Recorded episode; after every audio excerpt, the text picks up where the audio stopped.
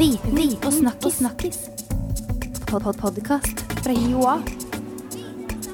Viten og snakkis. Velkommen til en ny episode av Viten pluss snakkis. Podkasten som gir deg svar på det du lurer på, på livets vei mellom grønt skifte og klimajobber. For overskriften i dag er nettopp det. Klimajobber. Klimajobber. Det høres bare ut som kanskje et nytt eh, litt sånn buzzword, jeg vet ikke jeg. Ja, Grønt skifte. Ja, litt i samme dur, kanskje. Ja. Men uh, med oss i dag har vi førsteamanuensis Andreas Ytterstad. Andreas, du er ekstra interessert i miljøvern og klima. Ja, det Ja. er Har blitt det. Det har blitt det. Hvor kommer engasjementet fra? Hvordan, liksom, hva begynte det med? Nei, det begynte egentlig ikke av de aller nobleste årsaker. Det var eh, jeg som kom som løsarbeider her for en, litt over ti år siden og Ja. skulle bli forsker. Og var det to ting som var i vinden. Det ene var klima, og det andre var blogging. Så da fikk jeg tips fra en eh, god kollega med at ja, men hvorfor ikke skrive om hva bloggerne skriver om klima?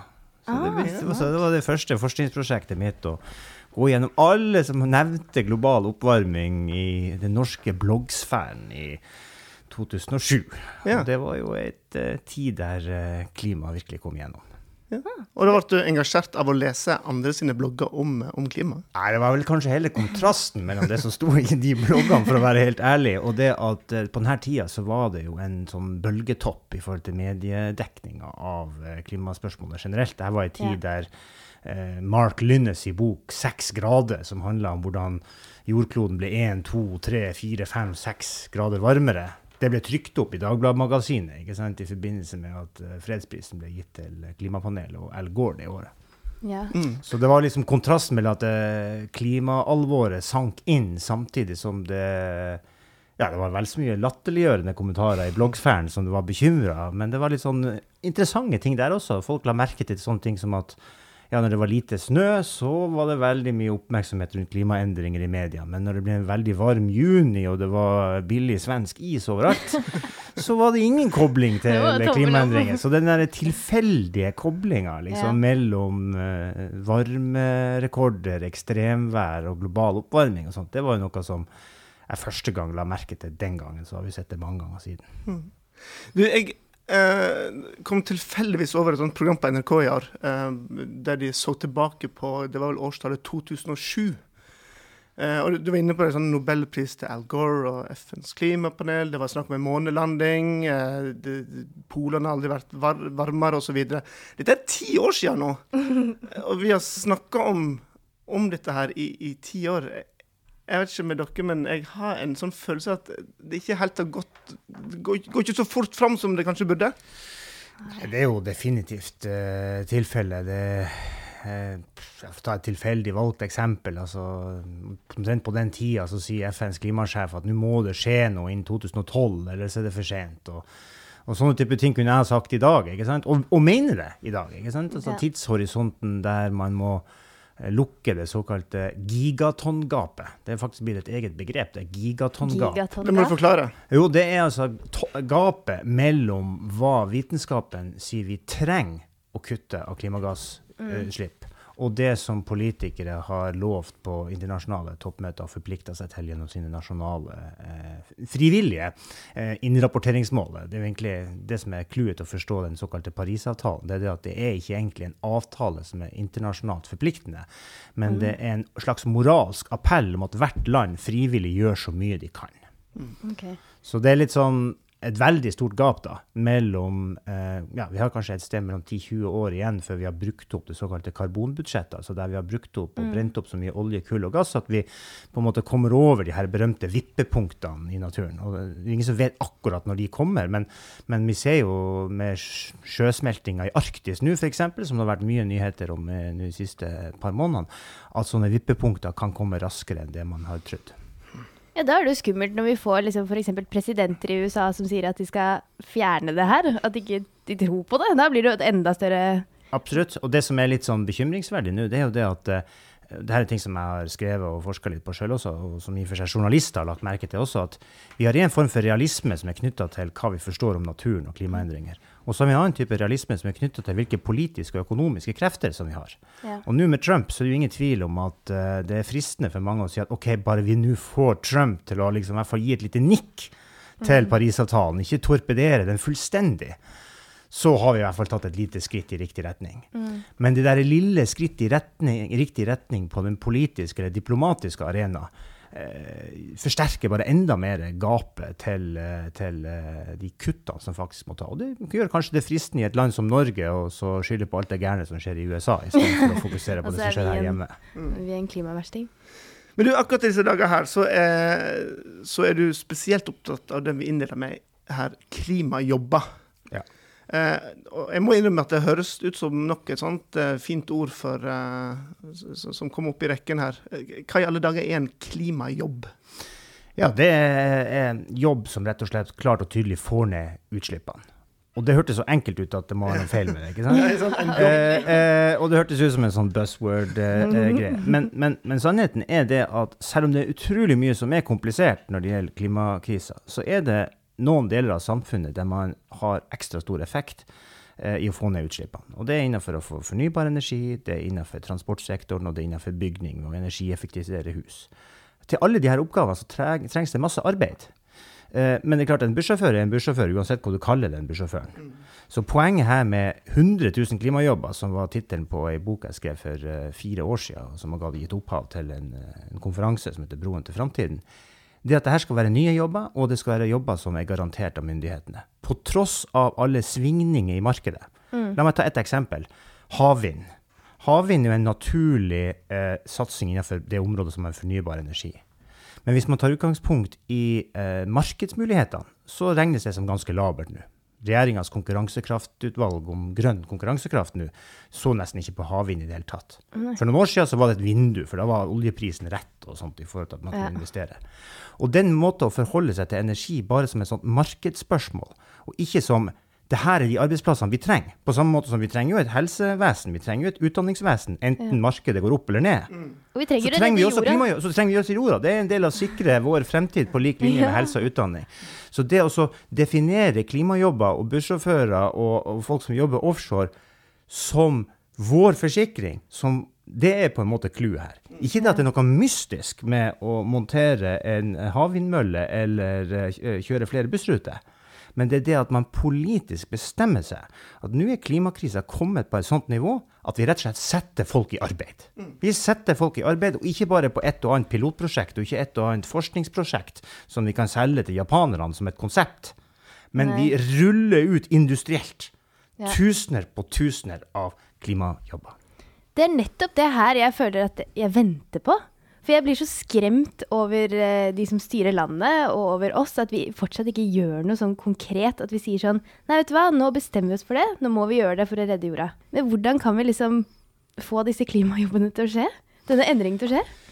Altså, jeg tror jo det at det er til syvende og sist eh, statlig inngripen som må til for å få det her til. For hvis, veldig mange drar eh, den historiske parallellen til andre verdenskrig. Ikke sant? For da, hva var det statene gjorde i land etter land da? Jo, de sa slutt å produsere privatbiler der, lag marinefartøy der. Og så Ja. konkurrerte man nærmest med hverandre om å levere det. Og det var staten som innordna alt. Vi, vi må huske oss på noen, det her med kurvene. Vi, altså, vi går opp med utslippene globalt. De må begynne å gå ned til 5, mellom 5 i året. Det er på et nivå som er helt utrolig. Og det kan ikke overlates til et marked.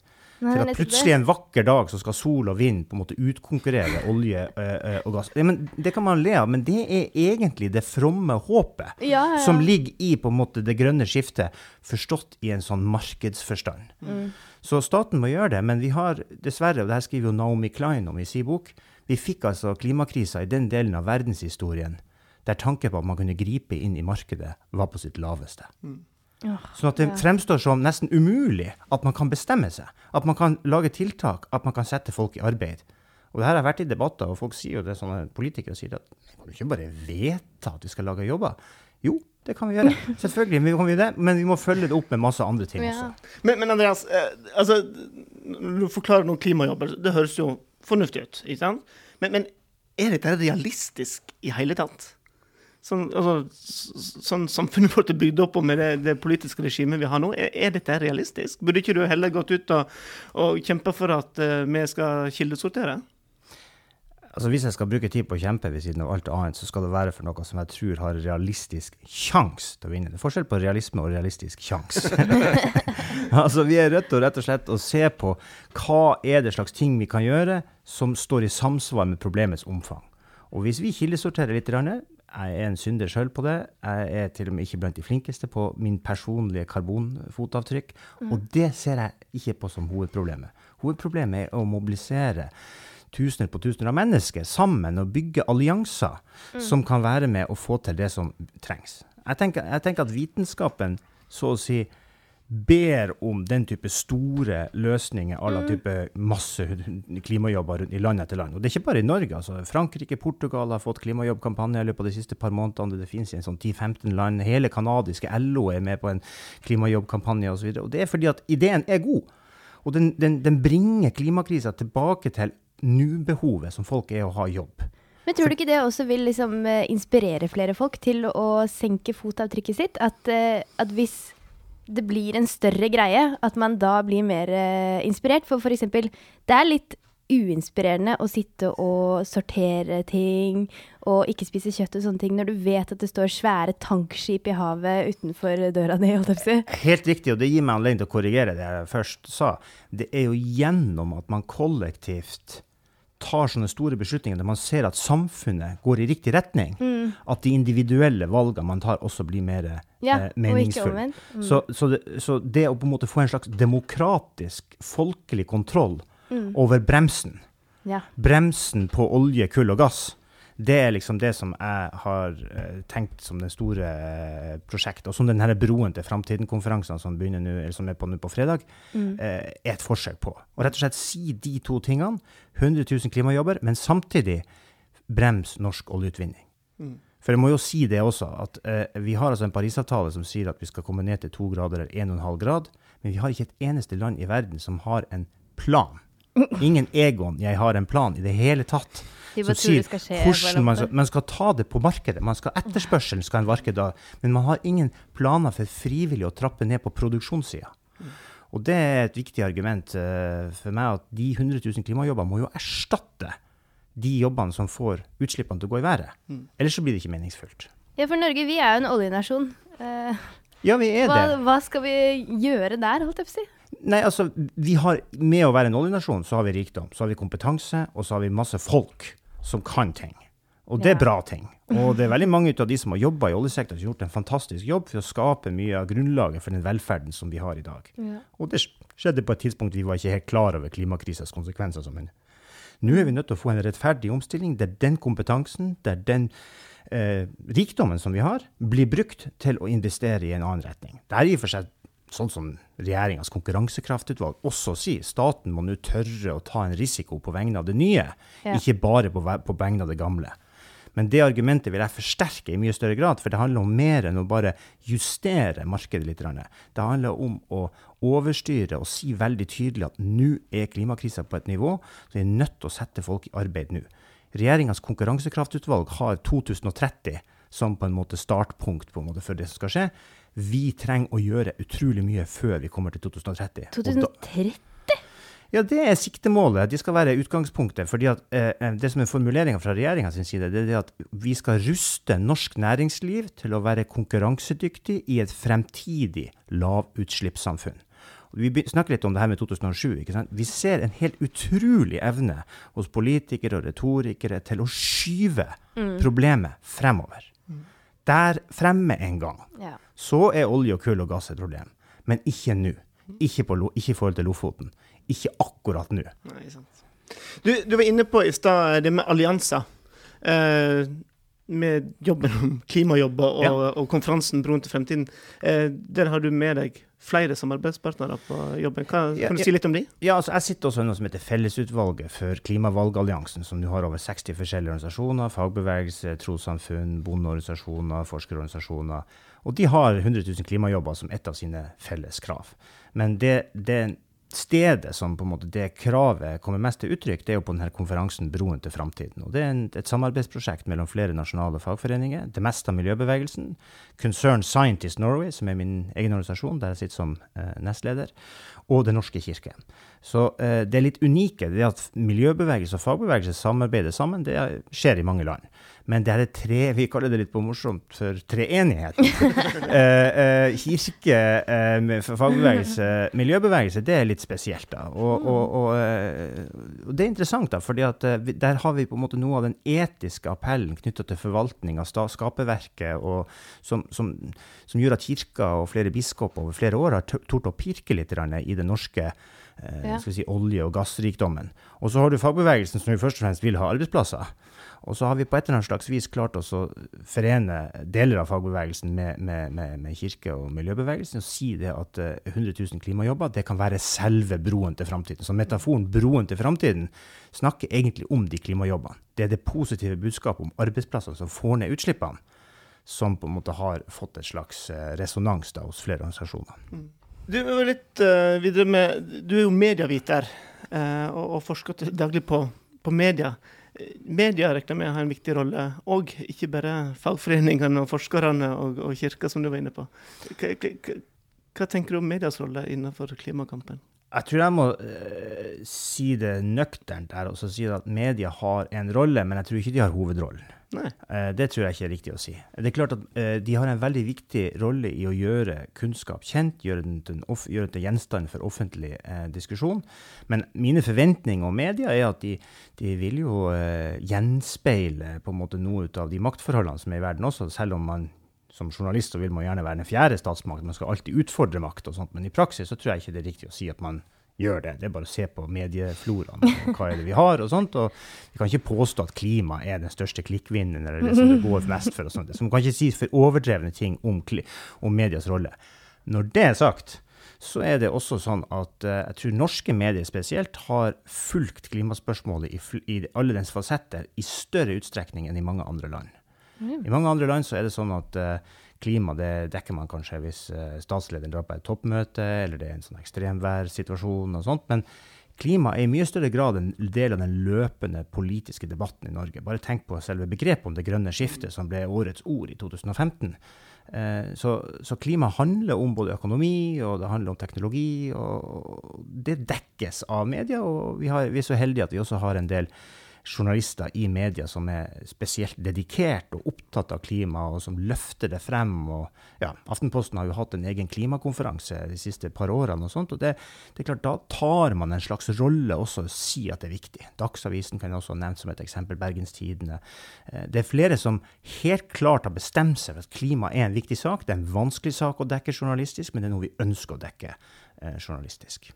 Men, men media vil jo vel òg uh, her for den utfordringen som er veldig aktuell nå, med altså fake news og, og, og alt dette. For det, det, er jo mange som er skeptiske mm.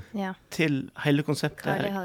Ja, i sånn klimakrise, mm. og, og, vil så tvil om faktagrunnlag og forskningen her. Ja, Her vil jeg gjerne pitche en av mine kolleger, Bente Kalsnes, som skrev en kronikk nylig om hvordan de falske nyheter er gode nyheter for journalistikken. Mm. Eh, for det er klart at veldig mye ut av skal si, klimadiskusjonen har jo liksom handla om ja, klimaskepsis, har vi nå egentlig menneskelig innflytelse og sånt. Det har vært til kjedsommelighet nå i lang tid, helt siden jeg begynte med de bloggerne mine for, for, uh, for, for ti år siden. Sånn, så har hørt mye, uh, mye ut av det. Men når du, har, når du, får på en måte en av de her såkalte bloggerne valgt som USAs president, og du får alternative fakta, så er det en liten wake-up call her i forhold til at uh, kildekritikk og god journalistikk ja. og det at vi burde kanskje være interessert i sannheten. En ting er at det er vanskelig å finne alt ut om klima, men la oss i hvert fall være litt interessert i å finne ut om det på en ærlig måte. Og det tror jeg er ganske åpenbart med Trump. Og jeg kan nevne her at en av de tingene som jeg nå er involvert i i den norske klimasammenheng, det er et sånt March for Science. For i den 22. april i Washington så kommer ja, jeg vet ikke hvor mange det blir. Det er 400 000 følgere på Twitter på March for Science nå. Og det er etablerte vitenskapsakademier i USA som sier at de må ut av laboratoriene og liksom demonstrere for eh, sannhetssøkende at vi skal ha kunnskapsbaserte samfunn. eh, og vi skal ha vitenskapelig integritet. Eh, vitenskap er ikke bare noe som vi lager for å tilpasse de kognitive skjemaene til våre Mm. mottakere. og sånt. Det er også noe som sier noe om virkeligheten sånn som den er. Ja. Det, Men, men ikke, altså, det er jo bra at forskere engasjerer seg og, og vil marsjere og demonstrere, men kan ikke det like greit eh, sette opp et, et ytterligere skille mellom eh, forskerne og eh, befolkningen ellers? Altså, Ja, men det er det som jeg syns er positivt med den March for Science, at den er ikke bare av forskere. Det er alle som støtter. Og i Norge, Jeg var på sånn liten eh, samling på Peppers Pizza her forrige uke med veldig engasjerte forskere, men også representanter fra Norsk elevorganisasjon og andre som er med, og som ønsker å være med i de norske markeringene, som også kommer til å bli den 22. april. Så det vil ikke være, jeg er helt enig med deg, det ville være uheldig, ikke minst med all denne diskusjonen om elitisme og bladi, bladi, bla og sånt, eh, om vi skulle liksom bare forskerne som står der alene. Så jeg tror det er veldig viktig at vi eh, får mobilisert også folk i kjeledress til å snakke om behovet for eh, eh, kunnskap som grunnlag for beslutninger. Jeg anbefaler alle å møte opp, da. På den- de norske markeringene. ja, altså, da er det å notere seg flere datoer her. Først er altså da Broen til fremtiden. Det Ja. er nå fredag. Det er nå på fredag og sånt. Og så er det en serie datoer. Det er 11. mars, som er en viktig dato, for da er det mange som mobiliserer i forhold til eh, Lofoten og i forhold til nye klimajobber. 2. september i år, det er den største datoen. Da skal alle eh, klimaelvene møtes i store markeringer rundt omkring i hele landet. For denne klimavalgalliansen som jeg da er med i, har vært med å, å arrangere den. Og så går det et tog som er helt uvisst gjennom sosiale medier med etter Trump. Som bare tar og speeder opp tempoet noe helt utrolig. Altså. For at, eh, nå skal det være People Climate som er 29. april, og så er det Earth, nei, det Earth Day 22. april, og så er det 1. mai-mobiliseringer. og så, så det er egentlig ei spennende tid vi lever i, fordi at eh, tempoet i eh, på en måte protester og i historien rett og slett, er i ferd med å skru et lite hakk opp med Trump. Ja, jeg har aldri opplevd noe lignende. Jeg synes det er kjempespennende ja, å kunne liksom endelig bli liksom mer engasjert utenom Facebook-engasjement. Min, eh, min leder i Concern Scientist holdt et kronikk i går i Uniforum som sier 'forskere i alle land foren eder', på en måte, som, Mm. som mobiliserer folk til den 22. april og sånt. Og det er jo det er nye tider, altså. Ja, det veldig nye, nye nye tider, rett og slett. Det er litt skummelt òg, for å være helt ærlig. Men ja. Men du, eh, Andreas Sitterstad, hvis vi skal, skal vi gjøre et forsøk på å se litt framover i tid altså Som du sier, det skjer veldig mye akkurat nå eh, overalt. Men, men vi så jo nettopp ti år tilbake og hadde jo liksom en følelse at det ikke hadde skjedd så mye. Mm. Hva tror du om de, de neste ti, ti åra fram til ja, 2030? Eh, kan vi begynne å se eh, temperaturene endre retning og, og, og se at det skjer noe? Ja, det mener jeg helt klart. Nå har vi hatt tre år på rad med, med på en måte varmerekorder.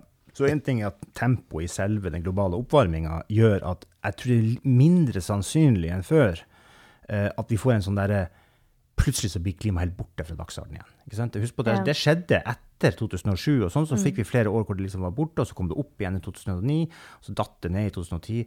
Nå har det egentlig vært et ganske konstant trøkk rundt de tingene her. Så jeg tror det kommer til å være til stede som en, en diskusjon i mye større grad, fordi det rett og slett er klimaendringer som er i ferd med å akselerere, slik forskerne har eh, advart eh, mot. I tillegg så ser du det at den derre eh, skal vi si, hope and change bakt inn i tanken om at vi politikere ordner nå opp her, skritt for skritt. Den rives litt opp av Trump. Ja. Og det er jo ikke bare Trump. ikke sant? Vi det er ser over hele polarisering over hele, over hele eh, verden, der jeg er ganske sikker på at eh, folk vil både kjempe for jobbene sine, folk vil eh, det er Spørsmålet om flyktninger, som jo er et stort, viktig spørsmål som også er knytta til klima, eh, gjør at eh, klimasaken i alle dens fasetter kommer til å politiseres i alle mulige retninger fremover. Og det kan gå riktig ille, absolutt. Eh, Men eh, jeg satser på at vi har en realistisk sjanse på å gjøre det bedre ved å, bygge en slags samarbeidskraft nedenfra som, som leverer løsninger, og ikke bare forholde oss til denne her konkurransekrafta og det her fromme ønsket om at en vakker dag så er olje og kull og gass utkonkurrert på verdensmarkedet. Ja, Det høres veldig bra ut. Ja. Men eh, da tror jeg vi runder av dagens klimapod. Tusen takk for at du kom og snakket med oss i dag, Andreas. Og på eh, Viten og snakkes finner du òg tidligere eh, podkaster om masse forskjellige tema. Og hvis han har lyst til å spole skikkelig langt tilbake, så vil han òg finne en tidligere episode med Andreas Mm. Ytterstad, som, eh, som snakker om uh, mye av de samme temaene. Så takk for nå. Takk for nå. Takk for oss. Viten og snakkis. Pod -pod Podkast fra Joa. Viten og snakkis.